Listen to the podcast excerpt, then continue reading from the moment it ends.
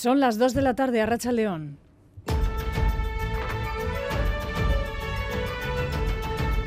Crónica de Euskadi con Aichiber Bilbao. Ha sido sin duda el comentario en la calle en casi todos los lugares de Euskadi, también en esta redacción, mirando a través del cristal. Una densa niebla nos ha acompañado durante toda la mañana. Hace una hora escasa ha comenzado a levantar Eder Menchaca. ¿Se ve algo de sol en Bilbao?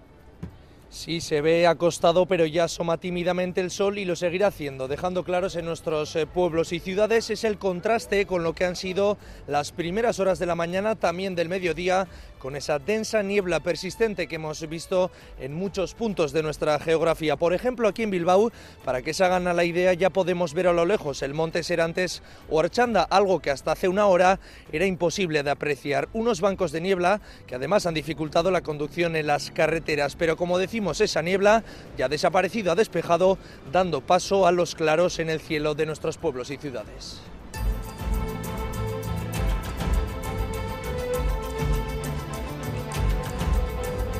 Hoy también les contamos el caso de una mujer asturiana cuyo exmarido ha sido condenado por tres delitos de violencia de género. Ella vive ahora en Gijón, pero debe volver a Gasteiz donde sucedieron estas situaciones de maltrato, lesiones y vejaciones por instancias judiciales para que su expareja pueda ver a sus hijos. La asociación Clara Campamor denuncia que solo se suspenden las visitas si hay agresiones muy graves. Allí, en Gijón, vive su familia. Los niños llevan años integrados se defiende que el derecho de las criaturas a tener una relación con su padre eh, es mm, fundamental y hay que respetarlo y protegerlo.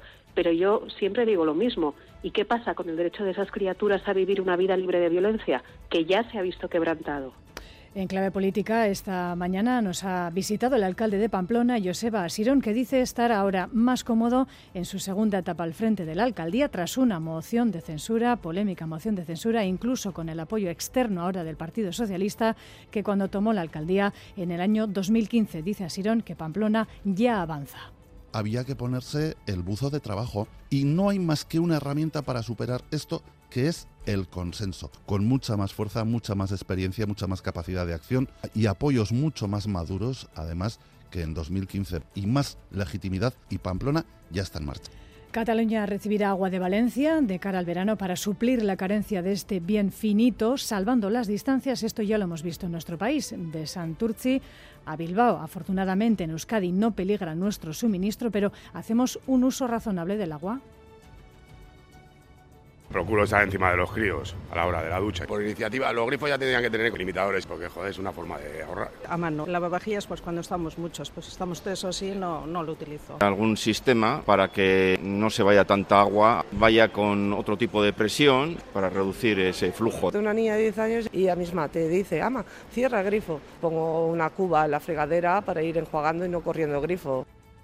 Y hoy es el Día contra el Cáncer y más allá de la innovación, de los cribados o las cifras de prevalencia, hoy nos detenemos en el voluntariado que ayuda a las personas enfermas, algo que para ellas vale tanto como los tratamientos punteros.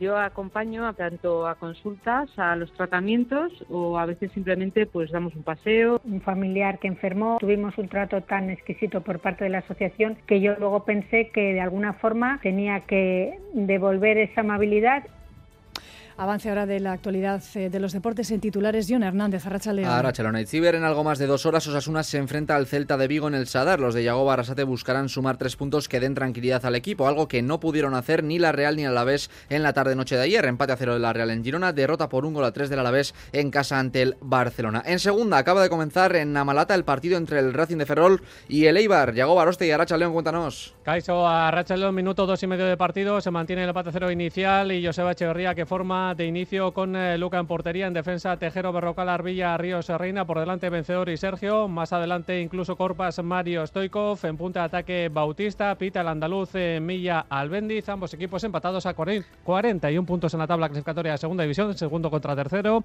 y en Amalata hay una buenísima entrada para presenciar este encuentro. 0-0, minuto 3 de partido. Después, a las 4 y cuarto, jugarán en la Morevite el Racing de Santander en Lezama. Mientras tanto, el derby de la Liga F ha sido para la Real. El equipo chilurdín ha vencido por 0-2 en Ipurúa a Eibar. En baloncesto, tiempo de descanso en la Laguna en ese duelo que enfrenta a Lenovo Tenerife y a Basconia. Raúl Pando, Aracha León, ¿cómo lo está yendo? Arracha León, John, eh, por debajo en el marcador el Basconia en tiempo de descanso, eh, liderado por Marceliño Huertas, 11 puntos. El Tenerife siempre ha estado por delante, 8 puntos cada uno. Marinkovic y Rocao por los máximos anotadores en el Basconia. Descanso en el Santiago Martín, 46 Tenerife, 41 Basconia. El Bilbao Basket perdió ayer en Murcia por 96 a 76 y a la tarde juega el GBC ante el Valladolid en la Leboro a las 6 en Iyumbe. Por otra parte, Román Maldonado es el nuevo chapeldún del individual de pala, derrotó en tres sets a Iñaki Urrutia. En el parejas hoy tenemos festival en el Atano, Jaca y Esquiroz contra Zabala y Martija y en balomano y juega en la Soval el Betia Itasuna a las 6 y media ante el Cuenca.